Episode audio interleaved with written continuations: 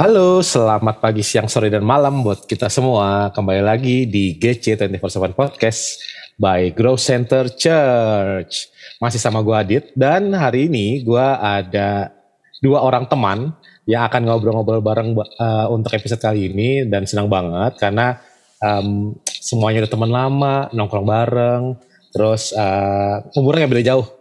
Jadi uh, kalau kemarin-kemarin masih sama anak-anak muda, sekarang lo bisa dengan tenang ngomong sama anak-anak seumuran gue. Oke, kita ada Visela. Hai Vis. Hello, hai. Oke, yang yang berikutnya kita ada Pastor Timmy. Hai. Halo, halo, halo. Oke, uh, uh, Hafiz. Disclaimer, Hello. mungkin nanti berikutnya ini uh, buat yang kenal ini apa uh, Pastor Timmy udah biasa kita udah kenal lama jadi mungkin akan kayak apa bablasan ngobrol Timmy jadi mohon jangan hakimi saya dan Visela kita iya, santai aja paling Royal Highness aja kayak Royal biasa. Highness ya yang di Pertuan Agung Oh yang di Pertuan Agung aja santai. Oke oke. Okay, okay. Ya, ah. jadi benar. Mungkin buat teman-teman apa atau bapak ibu gitu yang lumayan ngikutin 24/7 uh, ya jadi Adit terus saya dan apalagi ini sekarang kalau sama Visela sih kita bener-bener temenan dari sebelum ada title apa apa ya. iya. Jadi ya kita kayaknya mendingan kita ngomongnya bener-bener sebagai teman aja deh. Yes. Yeah. Ya. Jadi jadi bisa lebih santai, bisa kita bisa korek aja. Kita bisa korek semua tentang Timmy hari ini. Karena Oh, jadi ini sebenarnya kayak jebakan ya. Ini jebakan. Jebakan, jebakan. Sebenarnya cuma mau boleh boleh boleh boleh. Iya, karena kita akan ngomongin apa nih Vis untuk minggu ini? Nah, kita minggu ini topiknya seru banget sih. Mau ngomongin uh, salah satu yang lagi jadi kegalauan para audiensnya podcast kita nih, yaitu tentang shifting karir. Uh, Cie. Wow. jadi kayaknya nih banyak yang um, lagi mikir-mikir buat berubah, tapi masih bingung. Uh, iya nggak ya, iya nggak ya gitu. Ada banyak permasalahan kayak takut ngerasa ya, ya. skillnya kurang mumpuni, atau bingung mulai dari mana gitu. Ya. Hmm, gue rasa uh, mungkin akan lebih seru kalau misalkan kita sedikit cerita background masing-masing. Jadi in a way kita semua punya yang dengar bisa tahu uh, bisa kenal lebih dalam dan mengerti nantinya kita kenapa sih ada ada banyak hal karir kita mungkin yang kita udah berapa lama kerja itu ternyata shiftingnya tuh tidak semudah itu. Mungkin um, hmm, ya. apa um, kita masing-masing aja. Uh, gue dulu kuliahnya hukum Terus hmm. akhirnya kerja lumayan lama itu di marketing. Digital hmm. marketing kalau sekarang berarti ya. Udah udah hmm. jauh banget tapi itu um, setelah setelah sekian lama gue menemukan betapa serunya um, create atau communicate sesuatu dengan um, apa ya dengan bikin um, orang tuh jadi mengerti oh iya ya bagus ya ini produknya oh iya ya ngerti ya gitu itu salah satu hal yang yang yang beda banget sih itu kalau dari gue kalau dari lo gimana Fis? Uh, sama sih mirip-mirip. Gue juga dulu backgroundnya hukum, tapi sekarang oh, iya, kerjanya tuh, tuh hukum ya dulu. Ya? Iya, bukan tadi pas Adit ngomong hukum, gue kayak ada apa dengan hukum, tapi nggak ada apa-apa ya. Hukum tetap menyenangkan, kebetulan kitanya aja. Iya, betul. Yang mungkin passionnya beda. Ya kebetulan gue sekarang kerjanya di uh, talent atau yang populer HR kali ya. Hmm, uh, tapi hmm. lebih spesifik ke culture hmm, gitu sih. Hmm, hmm. Jadi lo lo tuh yang bikin culture setiap perusahaan gitu ya, Fis? Lo bisa bikin culture berubah banget gitu ya? Enggak juga sih sebenarnya. Gue tadi mau ngelawak karena takut krik-krik. Oke oke. Ya. Next dulu ya next ke pastor. Iya, yeah, tetap pastor. Jadi kalau gua yang di Pertuan Agung ini Jadi uh, ya gua uh, sekolahnya desain, desain komunikasi visual tepatnya. Hmm. Um, dan karirnya sih konsisten sebetulnya ya dari lulus uh, lulus kuliah sampai se seingat gue ya gue kemarin terakhir itu tuh 13 tahun deh kalau nggak salah 13 tahun gue tuh di dunia uh, kreatif komersial lah ya bilangnya itu di dalamnya macam-macam deh gue dari dari desain graphic itself hmm. sampai advertising sampai branding hmm. uh, apa kreatif arts bahkan sampai yang benar-benar kayak art banget. Tapi intinya semuanya uh, seputar kreatif uh, komersial 13 tahunan. Lalu gue baru saja kalau misalnya kayak Adit sama Visela tuh shiftnya udah lama gitu ya. Gue ini sebenarnya baru banget. Secara resmi ya secara resmi. Nanti detailnya kita mungkin cerita along the way kali ya. Tapi secara resmi gue nih baru tiga bulan pindah di edukasi. Hmm. gitu. Jadi sekarang gue hmm. um, um, kerja di satu startup education technology yang bantu anak-anak di departemen gue ya membantu students uh, kita untuk uh, mempersiapkan diri supaya kayak diterima kerja gitu lah gitu. Hmm. Jadi kita hmm. ajarin soft skillnya, kita bikin kurikulum, material-material tentang self development, professional development. Hmm. Menarik ya, nih, menarik. Soalnya masih fresh kan, berarti kan apa yang dialami strugglingnya masih masih apa? masih, masih mungkin fresh, mungkin, masih deg-degan. Ya, ini ini gue struggling banget ya. Nih, gua, kenapa kenapa dia? Mungkin masih struggling banget sekarang. Oh banget, banget. Ini gue baru abis, gue baru bangun tidur gue istirahat tidur sebulan ini. ya banyak harus di keep up kan soalnya. Hmm, hmm, hmm, nah. Oke, okay, uh, mungkin langsung ke pertanyaan, mungkin nggak pertanyaan kali ya. Uh, cerita, cerita dulu gitu. Um, mungkin um, Timi udah lumayan fresh, tapi gue pengen denger banget sih dari Visela. Vis. Guys, deg-degan gue jadinya tuh dulu. tapi tapi bener Vis. Bener Waktu dulu ya, waktu maksudnya kayak lu dulu kayak kayak dari kita tuh ya pertemanan kita kan ada beberapa lagi gitu ya hmm. buat para audience podcast kita pertemanan kita ada beberapa lagi tapi kayaknya yang pertama shift karir itu Visela ya Dit ya iya betul Betul. Ya kan, uh. ya jadi itu emang kayak yeah, iya. lumayan pas lu, ah, itu kan Visela udah lama banget by the way. Yeah. Uh, buat yang dengerin episode ini Visela udah lama banget uh, career shiftnya, tapi pas itu kejadian kita kayak, at least gue ya, gue tuh kayak, karena gue kan apa stay rooted kan, mm, mm, ya kan? Gue kan mm. beneran super konsisten gitu selama itu ya. Jadi pas gue denger ada temen gue yang shift career dan shift careernya bener-bener kayak lumayan drastis. Mm. Gue ini sih, gue kayak kaget banget sih yeah, yeah. gitu. Mm, Jadi gue rasa yeah. cerita lu bisa jadi cerita bagus. Yeah. Kenapa lu Fis? Karena kalau timnya tadi konsisten banget, nah gue tuh nggak konsisten banget. Jadi lu tengah-tengah Fis. Lu yang paling Iya Fis, boleh. Uh, ya, jadi Fis, mungkin ya, lu ceritain apa begitu lu lulus, Lo ya, ya, apa ya. dulu? Oke, okay. gue tuh sebenarnya kuliahnya hukum jurusannya ini loh praktisi. Jadi sebenarnya either hmm. jaksa atau pengacara yang ke arah sana. Hmm. Gitu. Nah tapi kalau singkat cerita ditanya kenapa shifting, gue juga bingung sih karena perjalanan step by step. Jadi nggak tiba-tiba kayak gue bangun tidur, ah gue mau pindah ke HR ah, hmm, nggak gitu yeah. juga ya. sih.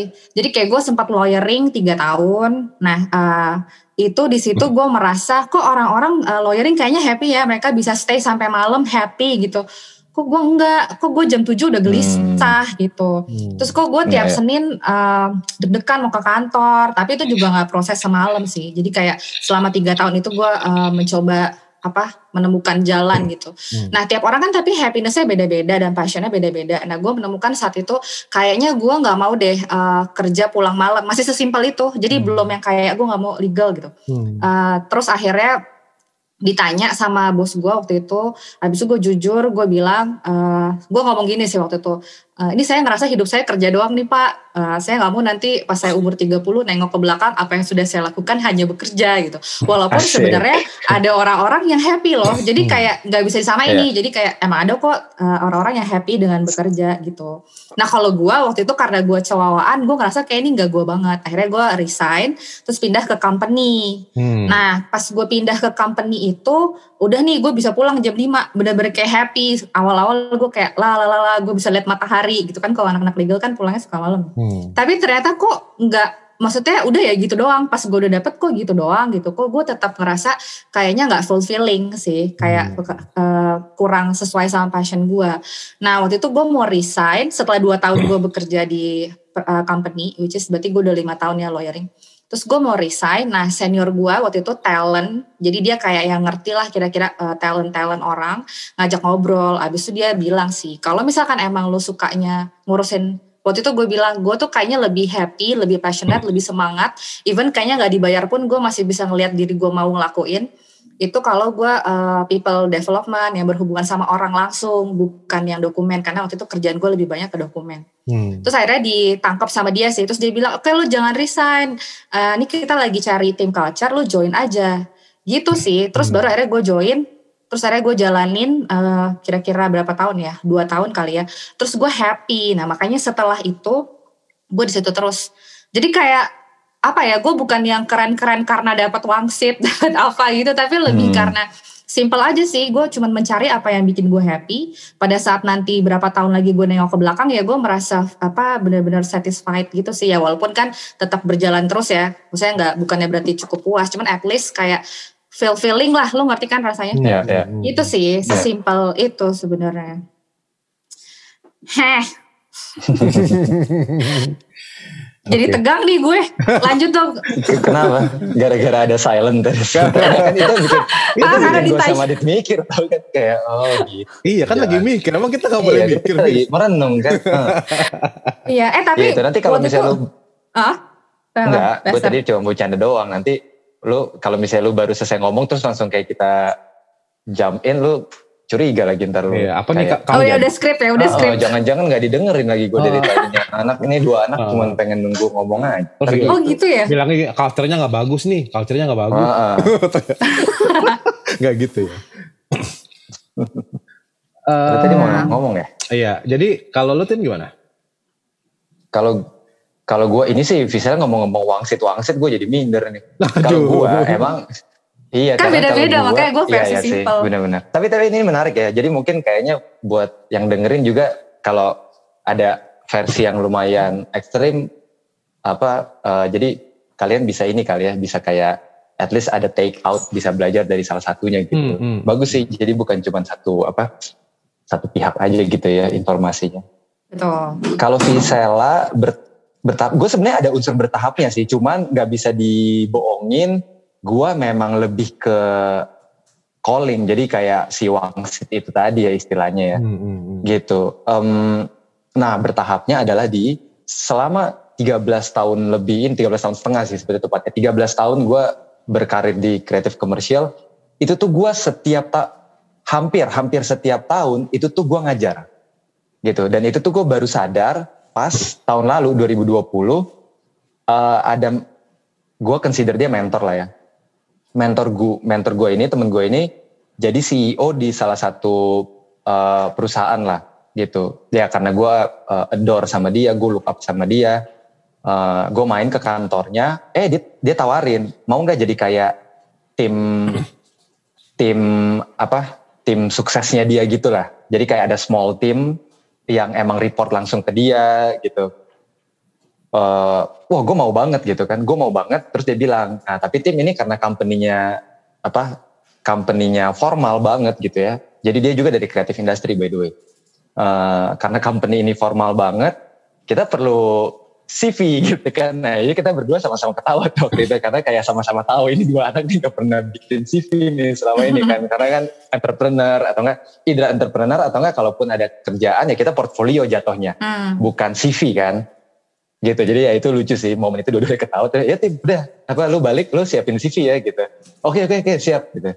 Nah pas di rumah gue siapin CV gue tuh baru sadar itu itu tuh triggernya. Kalau misalnya ngomong trigger ya itu tuh trigger gue pas gue bikin CV eh, list ngajar gue tuh panjang banget gitu. Hmm. jadi karena gue ya itu kan 13 tahun gitu. Seingat gue paling yang yang gue absen tuh paling dua tahun doang gitu loh. Jadi lu bayangin kayak 11 tahun let's say gitu ya 11 tahun gue ngajar terus dan biasanya di satu tahun tuh bukan cuma satu bisa kayak dua gitu jadi lu kebayang nggak itu tuh CV gue satu halaman itu tuh cuman cuman uh, apa ngajar doang Hmm. gitu. Hmm. Nah di situ sebenarnya gue kayak, wow, gue nih ngajar banget ya. Gue pikir ya gue tahu gue ada passion ngajar, tapi gue baru sadar karena kadang-kadang kan apa yang tertulis ya baru bikin kita bisa lihat gitu ya. Hmm. Itu tuh itu sih sebenarnya kayak titik balik. Wah ini kok gue ngajar banget ya nih apa? Ternyata gue pikir ngajar tuh kayak education tuh cuman kayak hobi doang, tapi setiap pas udah gue list down gitu ini konsisten banget nih gitu ya. Hmm. Nah, plus bersamaan di waktu itu gue tuh lagi struggle emang sama kayak apa ya profession professional existence gitu lah ya. Maksudnya kayak either gue udah hit the hit the wall mungkin kayak udah terlalu lama mungkin gitu. In a way enak gitu karena lu udah jadi kayak dalam tanda kutip ya jago banget. Jadi kayak lu nggak pernah nggak ada yang terlalu berat gitu buat lu. Kalau kayak tim lu ngomong lu cuma lima menit dengar masalahnya lu punya solusinya. Tahu kan lo proses yang kayak gitu tuh Hmm. tapi kok nggak fulfilling lagi ya gitu lah dan Hmm. kayak bosen gue ya ini gue jujur aja gue tuh sempat beberapa waktu belakangan itu di periode itu gue meeting tuh sambil main game gitu karena kan lagi pandemi waktu itu kan hmm. gitu uh-huh. jadi ya itu kan nggak baik ya gitu tapi itu tuh karena gue udah nggak merasa dapetin apa-apa lagi dari hmm. pekerjaan gue di kreatif industri itu gitu hmm. gitu uh, belum selesai meeting gue udah tahu jawabannya apa gue udah tahu harus bikin apa gitu hmm. nah jadi kombinasi dari dua itu tadi yang bikin gue kayak satu saat nah baru tiba-tiba si soal wangsit ini tiba-tiba hmm. kayak gue sadar iya ya kayaknya emang gue tahun ini maksudnya 2021 ya tahun ini gue harus gue harus uh, jawab calling itu sih. Gitu. Tentunya sebelumnya berdoa dulu ya gitu. Cuman ini gue mau being praktikal aja. Pasti ada doanya dan pas berdoa banget by the way gue struggle banget. Dan makanya dari situ dari discussion sama Tuhan gitu ya uh, mulai kayak di trigger uh, mungkin bukan mungkin maksudnya dalam kayak kalau ngomong ke gue gitu ya misalnya gue percaya roh kudus gitu kayak lagi conversation sama gue coba deh tip lu consider apa mungkin lu sebenarnya tuh uh, harus di education? Hal-hal kayak gitu tau kan lo? Bukan berarti selama di kreatif hmm. salah tapi bisa aja uh, apa yang apa yang gue punya di kreatif itu mungkin ad, jadi satu bekal ya kan? Hmm. untuk gue melakukan sesuatu di dunia edukasi gitu. Ya. Jadi ya tiba-tiba aja ada satu satu malam gue ingat banget jam dua tengah malam gue apply gue apply man tahu kan hmm. apply apply buka laptop terus kayak job search gitu gue ya, gitu ya, ya. cari cari kayak apa ya di dunia edukasi yang bisa gue lakukan gitu hmm. ya akhirnya ya gitu kerja di edtech sekarang hmm. Uh, menarik menarik menarik banget jadi waktu itu gue sempat baca ini apa ada satu quotes lah um, sometimes we look into entertainment because we lost our purpose gitu um, oh. apa itu tuh itu pernah terjadi sih maksudnya kayak di gua bahkan kayak kenapa ya um, apa um, somehow mungkin um, gua ngerasa career shifting itu tuh jadi tricky karena memang um, somehow kita tuh uh, mungkin either lost atau kita belum pernah tahu purpose kita tapi yeah. um, kalaupun kita tahu ketakutan untuk ngelangkah itu juga nggak gampang. Mungkin apa yang uh, idealnya adalah idealnya adalah kayak Visela kali ya gitu kayak lagi pengen resign terus tiba-tiba uh, ditangkap sama orang terus kayak akhirnya menemukan menemukan di mana tempat yang bikin dia rela tidak dibayar tadi ya, Vis ya. Gitu. Enggak, enggak maksudnya. Kok cepet banget. eh tapi ini gue udah boleh ngomong atau lu Boleh dong. Enggak, tapi gara-gara Pastor TV ya, gara-gara Timmy ngomong ya, gue jadi kepikiran sebenarnya memang benar, maksudnya emang pasti semua berasal dari calling sih, karena kalau waktu itu tuh gue setelah tiga tahun bekerja itu kan, maksudnya udah mulai punya cicilan, terus kayak udah lepas dari keluarga gitu-gitu kan, pada saat mau pindah karir itu kan berarti ada sesuatu lo harus melangkah yang maksudnya apalagi pindah benar-benar haluan gitu ya harus melangkah nah itu tuh lumayan bingung juga maksudnya kayak banyak ketakutan lah nanti mungkin setelah ini kita bahas kali ya apa aja sih ketakutan ketakutannya gitu hmm, boleh, boleh. intinya kalau nggak gara-gara emang ada apa sih keyakinan dalam hati ya mungkin calling yeah. itu atau yeah. hikmat atau segala macam itu memang susah sih jadi gue sangat-sangat apa maksudnya ya dari versi gue hmm. misalnya itu tuh penting kayak lo punya satu pegangan kenapa sih lo pindah gitu kalau gue kan tadi Tujuh. ya walaupun gue simple ya maksudnya karena gue nggak happy ngerjain ini gue nggak ngerasa fulfill hmm. gitu Uh, terus gue nggak suka nih uh, pulang malam gue setiap hmm. senin stres yang kayak gitu-gitu jadi kayak yeah. terus abis itu uh, apa akhirnya gue pindah terus pindah pindah lagi tuh karena emang ada sesuatu terus gue tuh pernah ini tahu pas gue galau mau pindah terus gue pernah tuh waktu lagi nangis nangis kan karena kalau sistem di kantor gue waktu itu one day jadi kalau hari ini lu bilang lu mau cabut ya besok udah bye-bye gitu. Maksudnya jadi nggak ada waktu tuh buat kayak cari-cari kerjaan dulu waktu itu. Nah terus waktu itu hmm. gue uh, ditanya sama bos gue. Terus hari gue jawab jujur dong. Kan kita anak tuan harus jujur. Terus gue jujur gue bilang iya sih pak emang saya ngerasanya emang udah gak, apa uh, bukan passion saya nih ngerjain ini gitu. Nah terus berarti kan gue harus uh, submit resign dan ketika gue submit resign, habis itu gue udah gak masuk. Berarti gue di bulan depan ke gajian gitu, gitu kan udah gak punya iya. kerjaan. Waktu itu gue lagi bingung gitu, gue pulang ya gue rada-rada nangis. Habis itu gue maksa Tuhan, Tuhan kasih gue keyakinan. Tapi balik-balik cari cara-cara orang beda ya. Hmm. Terus gue dapet ayat ini loh, ini gue bukan mengada-ngada baru dapet ayat tadi. Terus gue langsung bilang ya, ini beneran Beneran waktu itu gue dapet ayat di Amsal 16 ayat 3 which is gue belum pernah baca sebelumnya. Tapi kayak tiba-tiba dari hati gue tuh muncul ayat itu dan dia bilang gini sih versi Amplified Bible-nya intinya kayak commit your works to the Lord, submit and trust them to him and your plans will succeed gitu hmm. if you respond to his will and guidance intinya gitu sih terus gara-gara itu akhirnya gue kayak yakin oke okay, walaupun gue belum tahu ke depannya gimana tapi ya maksudnya uh, gue percayalah sama Tuhan kayak gitu sih hmm, hmm. benar-benar jadi menarik dari ceritanya yeah. Timi penting gua, banget gue setuju gue sama sama Visela hmm. harus ada walaupun um, apa natural kayak Visela um, atau misalnya kayak lumayan ekstrim kayak gua gitu. Tapi satu hal yang pasti harus ada harus ada conviction sih. Hmm. kalau misalnya soal career shift ya. Hmm. gitu. Um, kalau itu tadi versi Visela kalau versi gua callingnya ya maksudnya um, lu harus kayak tahu bahwa emang lu tuh mau mengerjakan itu gitu loh, bukan karena mau lari dari yang sebelumnya. Hmm. Ya. Gitu. Nah, kalau tadi kan misalnya kalau tadi kita dengar Visela kan sempat kita dengarnya gitu kan kayak lari dari sebelumnya, tapi ternyata enggak juga hmm. gitu. Hmm. Emang ada satu yang apa ya, yang itu dia conviction ya, conviction bahwa gue nih nggak harus melakukan ini nih, gue hmm. harus melakukan yang hmm. lain nih gitu kan. Nah itu tuh itu tuh kayak convictionnya Visela gitu. Hmm. Basically conviction gitu sih. Untuk ini konteksnya kalau career shift ya, gue percaya convictionnya tuh kurang lebih temanya kayak gitu. Hmm. Gue nggak harus melakukan ini nih.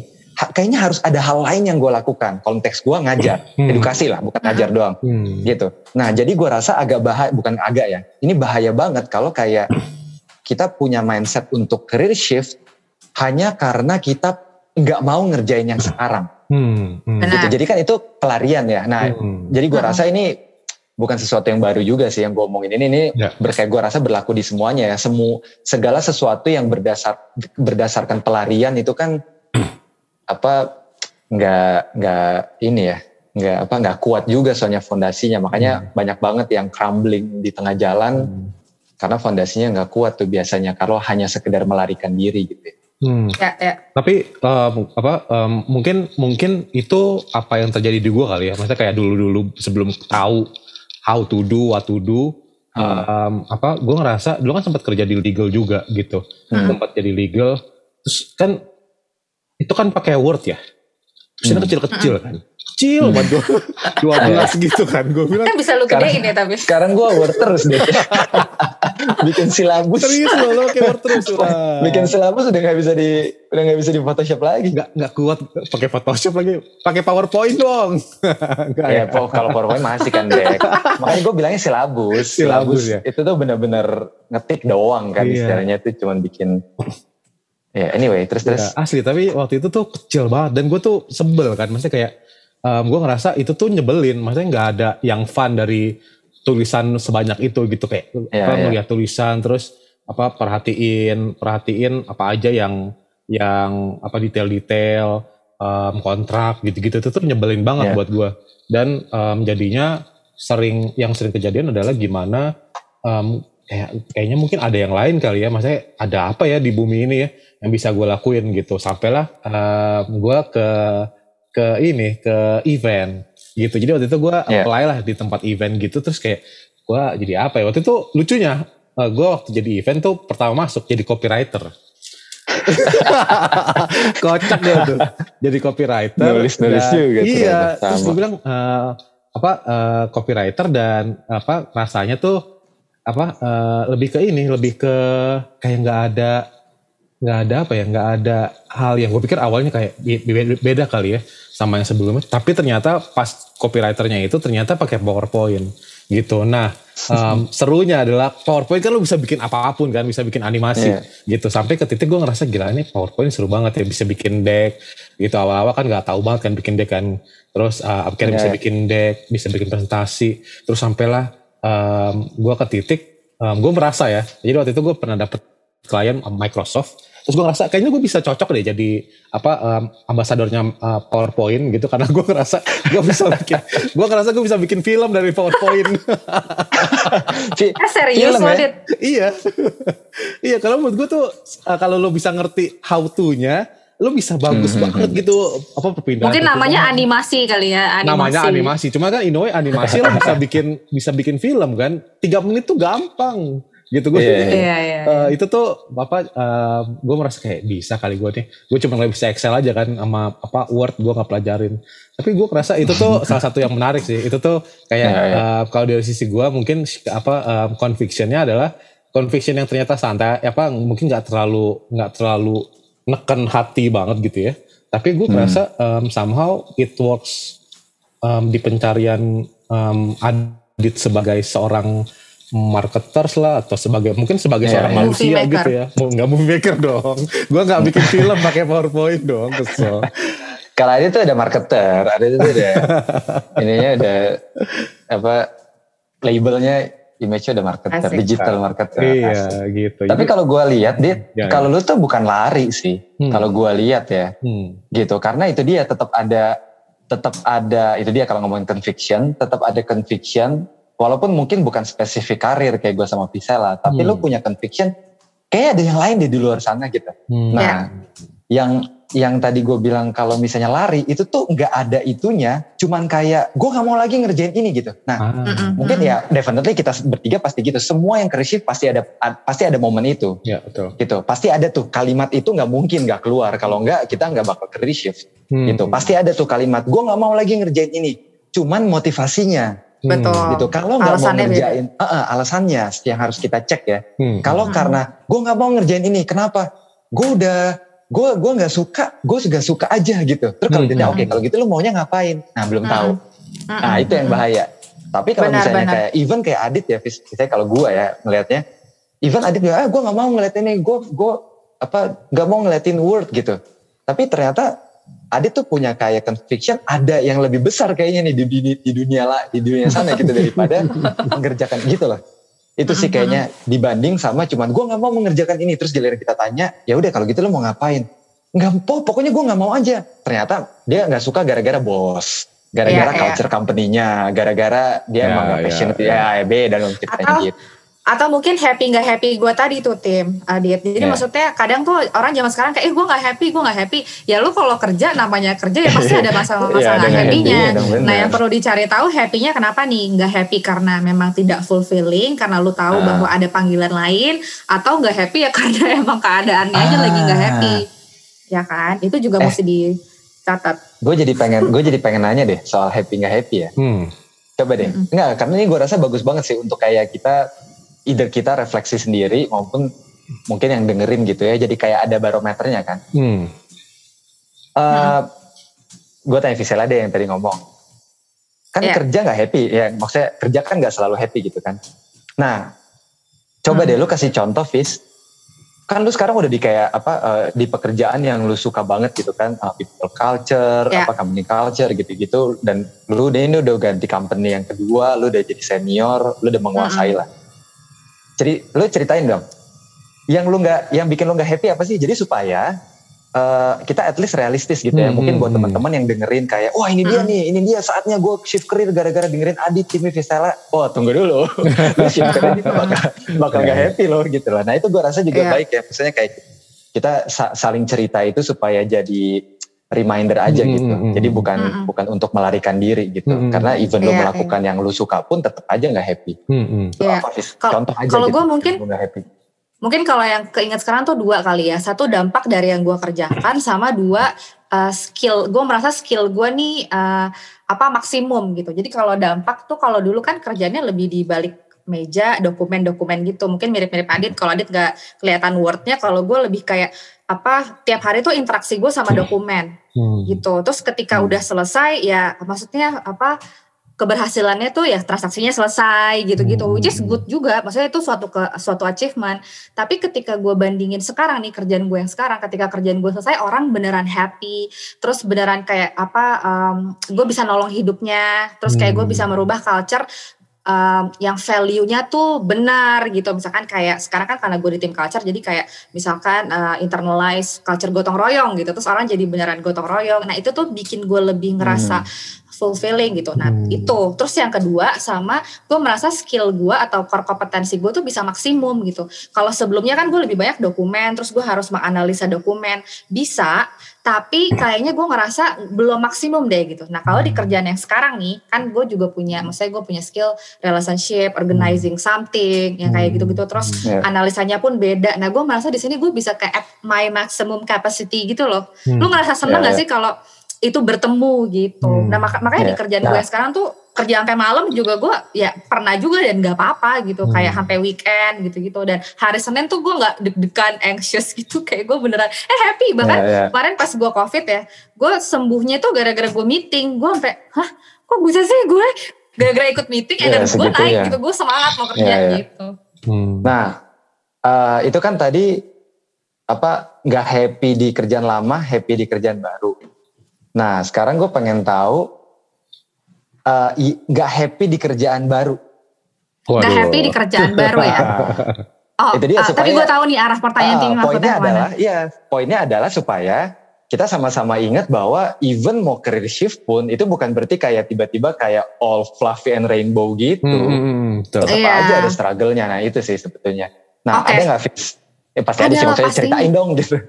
Iya pastinya ada. Dan ini yang sebenarnya gue pengen kita bahas juga sih kan. Ah. Maksudnya biar apa sama-sama saling bisa belajar dan teman-teman juga bisa tahu gitu. Enggak happy-nya tuh yang pastinya yang pertama lu kan mesti start dari nol ya. Ya. Jadi maksudnya ya, hmm, yeah. jadi kayak harus di, harus apa memacu diri sendiri buat belajar skill-skill baru tentunya. Hmm. Kayak apalagi gue tuh udah legal lima tahun, berarti ya ibarat kata gue udah ketinggalan lima tahun ya di kerja yeah, gue ya sekarang, yeah, yeah. gitu kan. Sementara teman-teman gue backgroundnya memang udah sesuai, terus mereka udah punya skill, jadi kayak mungkin gak happynya mesti kejar ketinggalannya sih, mesti ya. larinya yeah. lebih kencang, ya kerjanya lebih lebih double lah kayak gitu, supaya lo nggak ketinggalan, hmm. ya kan. Terus abis yeah. itu yang kedua juga ini ini mungkin gue pribadi kali ya. Terus yang kedua juga ketika misalkan kayak teman-teman lo yang di legal tuh udah jadi seseorang. Terus kayak karena yeah, lo yeah, yeah. start dari bawah kan jadi lo kayak meniti yeah. baru lagi kan. Hmm, nah kalau jiwa-jiwa comparison gue lagi apa ber menyala gitu ya. Kadang mungkin ngerasa kayak aduh apa oh, coba gitu dulu ya? Iya gitu atau enggak kayak hmm, yeah, yeah, tapi yeah. that's why makanya Master, Timmy dan Adit penting punya conviction tadi. Jadi kapan pun hmm, lo kayak ngerasa mulai galau ada pegangan gitu yeah, sih. Nice. Lo Dit? Um, jadi gue tuh merasa yang pasti yang paling susah ya kan karena karena um, dunia gue agency marketing sama digital kan. Itu kan um, salah satu yang paling tricky ada deadline gitu. Hmm. apa nggak bohong funnya apa bukan fun lah ya posisi pro nya adalah kita tuh bisa ngelihat apa yang ada di apa yang kita bisa bikin deck yang sebelumnya. Mungkin kalau gue yang cuma tulisan doang gue bisa bikin gambar gue bisa bikin um, animasi dan gue bisa gue bisa ngeyakinin ngejual konsep dan bikin konsep itu jadi sesuatu gitu jadi jadi hmm. project yang jalan gitu nah yang trikinya adalah untuk sampai ke titik situ itu nggak uh, gampang banget gue masih ingat waktu di tahun apa di awal sejak gue pindah ke agensi uh, gue itu bertahan cuma 9 bulan di kantor itu uh, hmm. tapi gue ingat pas di uh, waktu di akhir uh, jadi gue waktu itu udah jadi head kreatif tuh. Jadi dari awalnya copywriter tiba-tiba dalam waktu berapa lama jadi head kreatif. Terus uh, pas waktu itu gue lagi lagi apa ngerjain apa di si bos gue nyuruh kayak dit tolong uh, uh, cekin semua kerjaan anak-anak udah berapa banyak yang dikerjain. Nah gue pribadi waktu itu gue ngerjain 66 proposal gitu. Itu di, itu di luar um, revisi-revisian ya itu di luar revisi revisi revisian dan itu 9 bulan guys. Satu tahun tuh kan ada 52 minggu. Jadi gitu. Jadi apa adanya adalah itu yeah. tuh nggak bohong. Maksudnya deadline apa kalau sampai ke titik sekarang gue ngerasa apa yang apa yang um, gue gue bisa bilang kayak nggak um, enaknya adalah ya memang pada saat itu gue tuh tahu cara bertahan hidup untuk lo bisa nggak tidur untuk kerjain kerjaan gitu. Hmm. Um, walaupun ada ada istirahatnya lah ya gitu. Gue pernah berapa kali tidur di kantor hanya hmm. for the sake. Yeah, karena waktu itu kantor kantor gue jauh. Jadi kalau gue pulang tuh kayak abisin waktu banget gitu. Gue pikir gue tidur di kantor aja deh. daripada gue lama gitu kan. Um, toh gue lebih apa um, kalau udah malam kan kalau udah kre, apa kerjaan bikin proposal gitu kan kadang-kadang lu pakai otak banget kan. Kalau udah capek udah apa tuh udah nggak nyambung di otak gue mendingan gue tidur terus gue kerjain sesuatu lagi terus yeah. um, lebih rapi gitu. Itu tuh salah satu uh, apa ya downside lah ya. Tapi ya gitu. Sekarang sih yeah, yeah. oke okay lah. Kalau lu gimana? Gua reporting sih. Aduh. Waduh, gua aduh. um, jadi dua hal kurang lebih sama kayak Visela. Karena ini hal yang pertama ini udah pasti hmm. mengejar ketertinggalan tuh udah pasti. Hmm, Jadi hmm, um, apa ya mungkin kalau misalnya kayak yang dengerin episode ini lagi berpikir untuk shift career uh, itu tuh apa challenge terbesarnya tuh. Hmm. Uh, kayak lu harus siap untuk dari bawah lagi gitu. Yang tadi Visela bilang tuh bener banget kayak yang lain udah jadi ini, yang lain udah jadi itu gitu. Uh, mengejar ketertinggalan, tapi yang paling painful buat gue ya, uh, ini memang ada hubungannya sama si mengejar ketertinggalan tadi. Ka, uh, gue jadi turun dua level, hmm. dua setengah malah sebetulnya, hmm. gitu. Um, karena gue kalau yang di kreatif industri kan gue udah mentok tuh, hmm. ya kan, hmm. gitu. Dan, nah itu masalahnya gue mentok maksudnya udah nggak ada lagi yang di atas gua for a very long time, hmm. ya kan? Nah, lu bayangin tiba-tiba gua sekarang setiap nggak setiap hari banget sih, cuman maksudnya kayak berapa hari sekali gue harus lapor. Ada yang kayak harus gue hmm. laporin gitu, dua orang lagi. ya kan? Itu tuh gue kayak bulan kedua gue kayak ditegur gitu sama VP gue. Gue I'm not even a VP man. Iya dan di, di company gue VP-VP-nya tuh kayak masih 20-an, hmm. brilian hmm. banget gitu. Hmm. Hebat-hebat ya. Uh, gue pernah kayak ditegur, bukan dimarahin, cuman kayak di, dicolek lah, saya gitu. Uh, tim apa uh, update ya gitu. Terus gue dalam hati gue, ya kalau itu tahu cerita gue kan ya, kayak gue mana pernah update ke orang itu sih yang kayak jadi luar biasa berat gitu. Um, tapi itu gue rasa enggak sih, gue rasa itu akan terjadi juga sih. Maksudnya hmm, hmm, hmm. regardless lu udah tinggi banget atau belum, karena namanya shift career berarti kan lu udah melewati beberapa tahun tuh di industri lu. Mm -hmm. Ya kan? Jadi paling enggak lu udah ada di satu titik level di mana lu mudah-mudahan gak turun terlalu jauh tapi kasus gue gue turun dua, dua bahkan sebenarnya kalau mau detail banget dua setengah hmm. gitu loh dua hmm. setengah level gitu loh itu sih plus sama yang Visala bilang tadi yang hmm. keeping up itu bener gue nih gue nih tidur tidur pagi kayak apa gue harus belajar sendiri lagi gue harus gue harus apa ikut kursus gue harus gue harus buka Google Sheets lagi karena ada data murid-murid di situ kan gue harus pelajarin karena yang lain udah biasa gue belum biasa gitu itu tuh painfulnya di situ hmm. ya, ya. tapi kalau berarti kalau lo tuh ikut course gitu ya Tim maksudnya uh, how you cope with it itu lo ikut course uh, course itu tuh karena ilmu ah. gitu karena itu dia itu kalau yang dari tadi gue cerita itu sebenarnya akarnya itu kan dua hmm. soal ilmu itu kan soal mengejar ketertinggalan ketertinggalan hmm. sama satu lagi soal ya you can say pride kali ya bukan soal pride-nya sih behavior sih sebetulnya gitu mm -hmm. di mana lu gak biasa melakukan ini sekarang lu harus banget melakukan ini karena ada bos gitu misalnya mm. Hmm, ya course lebih ke yang ilmu sih mm. nah makanya makanya buat gua yang lebih painful adalah soal reporting tadi karena itu tuh nggak ada obat ya kan lu nggak bisa kursus ini itu hmm. berarti kayak untuk submit yourself hmm. lu bertahun-tahun nggak pernah kayak gitu tapi karena lu tahu ini yang ingin lo kerjakan, lo commit di calling lo, kalau lo harus submit sama orang, then you do it. Gitu. Hmm. hmm. Berarti kalau gue mungkin apa um, apa uh, summaryin gitu ya, maksudnya kayak tadi obrolan kita bertiga, yang pertama pasti ada conviction, mm -hmm. um, cari atau mungkin ada sesuatu yang kita kita galauin kah soal apa yang kita kerjain gitu-gitu, ada ketidakcocokan atau yang memang bukan karena bukan karena ini ya, bukan karena pelarian, pelarian gitu. Yeah. Tapi karena memang yeah. ada sesuatu yang di dalam hati kita, either um, ataupun di pikiran kita yang bikin kita ngerasa kayak ada kali ya yang bisa dilakuin lebih nggak cuman gini-gini doang gitu ya. Yes. Uh, nah itu bener tuh. Nah, ya, tapi bukan berarti kerjaannya lama tuh nggak bagus ya, maksudnya hmm, hmm, hmm. AA kan oh, bisa iya, jadi ha, emang ha. karena beda orang aja, misalnya beda passion yeah. aja. Ya ya yeah. ya, dan dan mungkin yang yang tadi yang kedua juga termasuk kayak salah satunya mungkin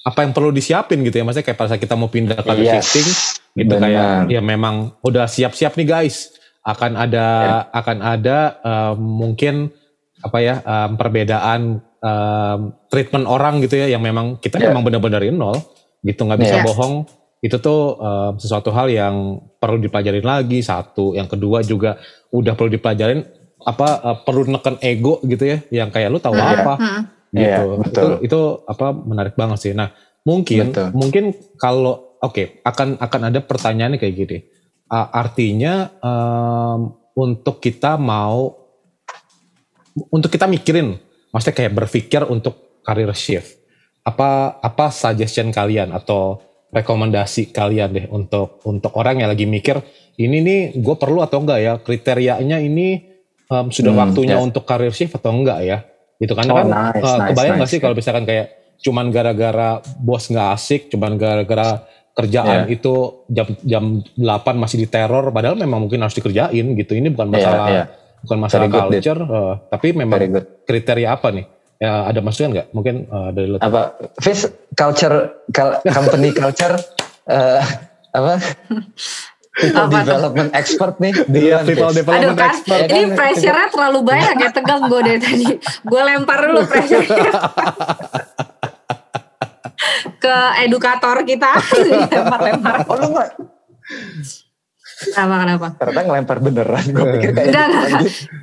Kalau ya kalau gue kepikirannya tadi sih yang calling sih. Maksudnya hmm. kayak uh, ya walaupun kalau gue kan gak instan, maksudnya hmm. bertahap. Hmm, hmm. Tapi ya maksudnya uh, yang pertama kalau emang lo merasa maksud gue pekerjaan itu perjalanan panjang guys. Yeah. Jadi meniti karir tuh yeah. panjang. Jadi maksudnya kalau misalkan emang ngerasa ada sesuatu yang ini gue nggak fulfilling atau gimana gitu, gue percaya Roh Kudus pasti kan apa ngomong ya ke dalam hati dan apalagi pekerjaan itu kan kalau gue percaya adalah sebenarnya uh, ini menurut gue ya kayak alat tuh Tuhan untuk menjadikan kita berkat di hmm, sekeliling hmm, kita kan apa pun banget. pekerjaannya hmm, hmm. gitu jadi kalau misalkan memang lo udah merasa ini kayaknya bukan ini nih udah ada suara dan lo punya hmm. conviction tadi ya dijalanin aja gitu diberaniin buat melangkah hmm. nanti along the way tuh uh, ada orang yang mungkin langsung clear callingnya tapi emang ada orang yang harus lu ngelangkah dulu baru ntar makin lama makin jelas gitu jadi yeah. jangan di jangan di apa ya jangan ditutup gitu kalau ada suara hati gitu hmm. gitu sih Ya, itu ya. pertama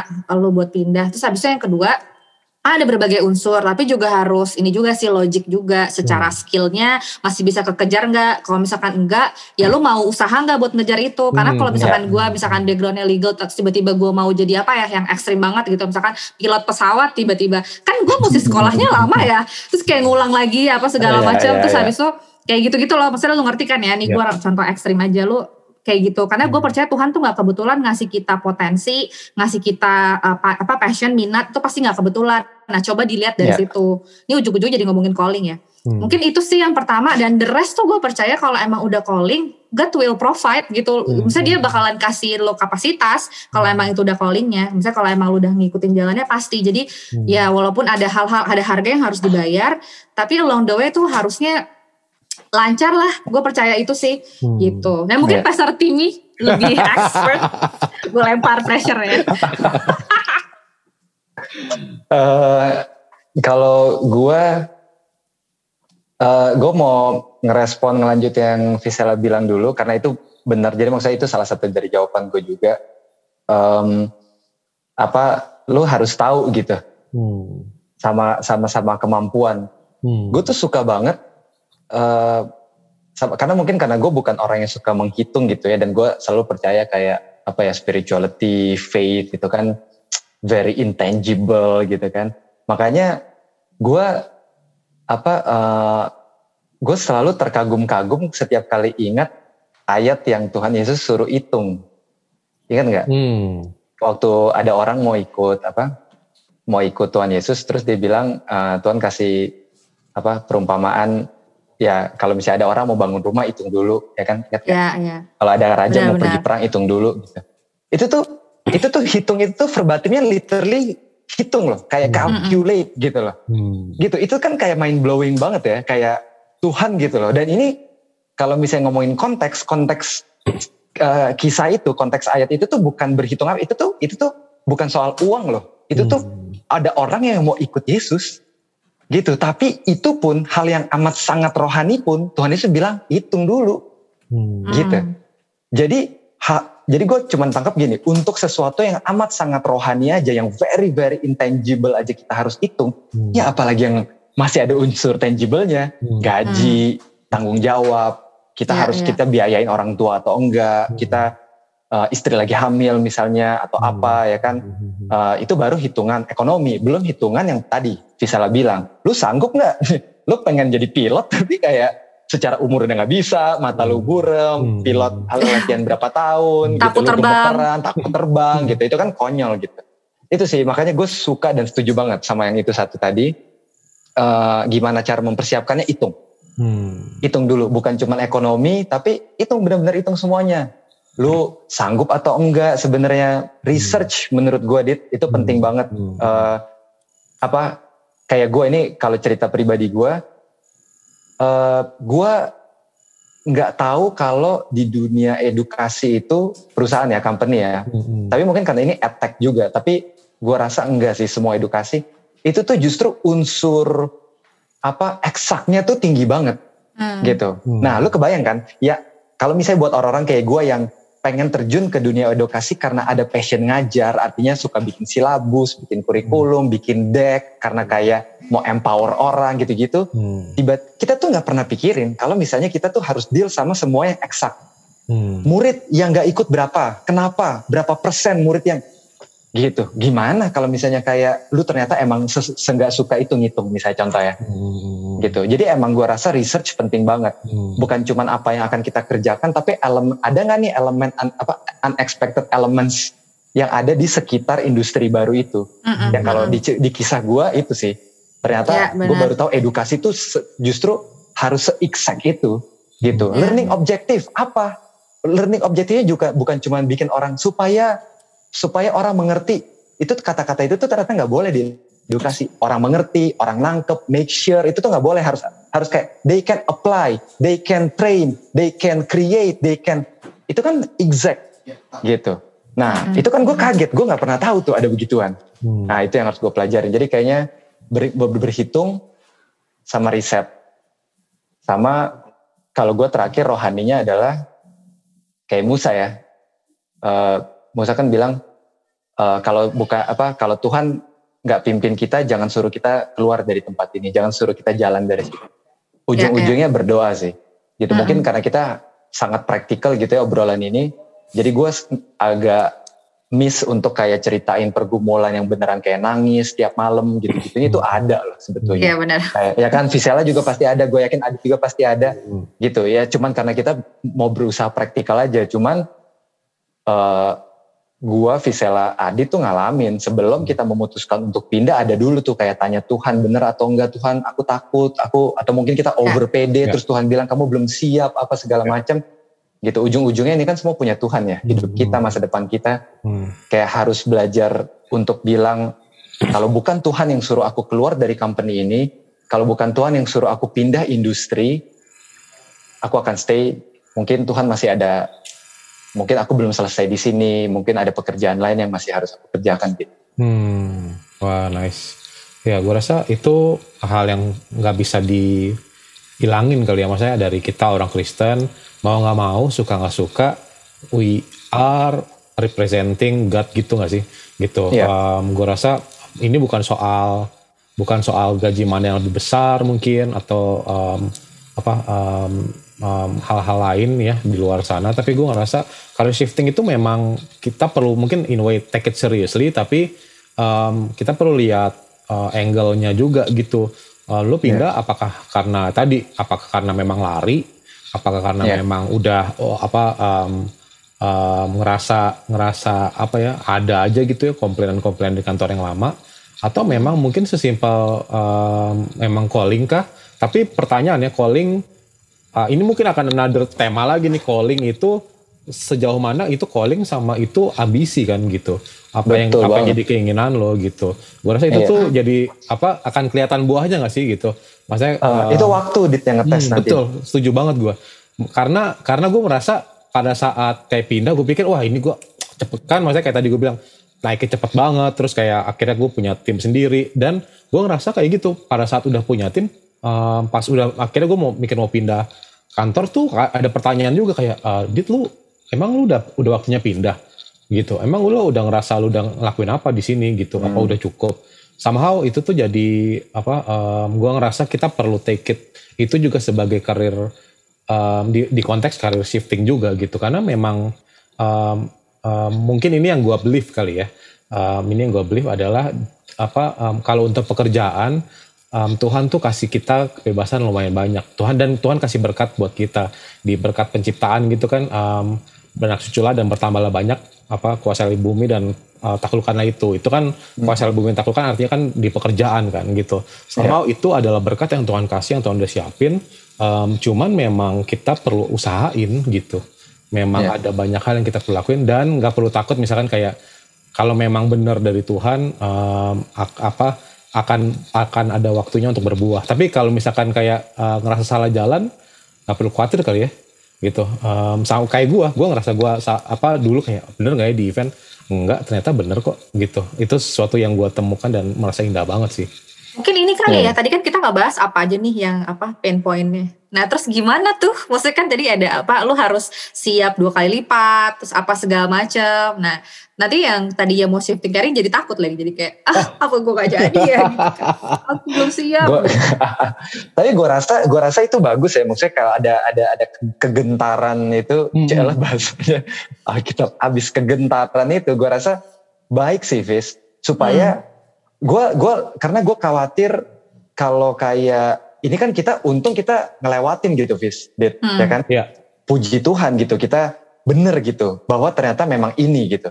Tapi yang gue serem kalau misalnya ternyata kayak pengen pindah karena bukan gak ada conviction atau calling gitu, terus mendengarkan podcast ini jadi jadi konfirmasi dan kita kan ya orang Kristen sering banget kan cocok logi cocok logi gitu kan. hmm. kan konfirmasi dari Tuhan gitu kan hmm. gue sih mendingan orang dengar ini terus takut Fis, jujur ya. aja hmm. ya. jadi lebih tapi, memperhitungkan ya lebih perhitungan benar hmm. nah kalaupun udah dengar podcast ini tapi tetap mau lanjut berarti udah udah udah kekeh, udah, udah, kekeh, udah damai gitu sejahtera kan. ya uh, uh, udah damai sejahtera mereka dengerin kita berdiam mereka cuma kayak ah ini orang-orang nih lemah gitu kan masa nangis apa tuh masa gitu aja nangis malam-malam gitu kan Ya, ya, ya, ya, benar-benar. Ya, tapi tapi gue setuju sih. Kayaknya uh, ya somehow career shift um, sesuatu yang kita kita perlu doain. Mungkin ke buat teman-teman yeah. yang lagi dengerin kayak gini, it's for you, cie, gitu kan. Jadi kayak kesannya kayak orang khotbah kan, keren gak gue? It's for you. Nah, Mereka nggak bisa lihat juga gaya lu sekarang gitu. Oh ya, padahal gue udah keren tuh. Aduh. tapi tapi gue rasa ya benar, maksudnya uh, buat kalian-kalian lagi mikir, lagi doain, um, gue rasa juga tadi um, salah satu yang yang gue poin cerita timnya juga adalah ada mentor mungkin yang juga bisa bantuin kali ya. Ada orang yang bisa lo ceritain kali ya. Gitu. Hmm, ya, kayak yang, banget. ya ada either itu komunitas support system atau siapa pun yeah. orang yang kalian ngerasa um, bisa untuk diceritain. Somehow benar. um, apa uh, itu akan ngebantu sih akan ngebimbing ya. Kalau in a way akan ngebimbing lo untuk kayak bener gak sih? Lo bisa ngelihat diri lo dari sisi apa um, orang ketiga kali ya. Orang ketiga yang yeah, ngeliatin. Yeah. yang dan memang care sama pertumbuhannya kita karena kayak tadi Visala juga bilang kerja itu seumur hidup sih bener yeah. gitu jadi yeah. terima kasih Bapak Timothy dan Ibu thank atas waktunya. Thank you, thank you banget. Thank you banget atas waktunya dan dan uh, buat semuanya yang lagi galau, lagi bingung mau career shift, jangan takut dan khawatir. Aduh, gue hampir mau bercanda yang gak lucu. Semoga gak makin galau ya. Gak, semoga semoga gak makin galau. menemukan pencerahan, menemukan jawaban. Yes, betul banget. Jadi thank you semua yeah. atas waktunya. Sampai ketemu di episode berikutnya. Bye. Yay. Bye.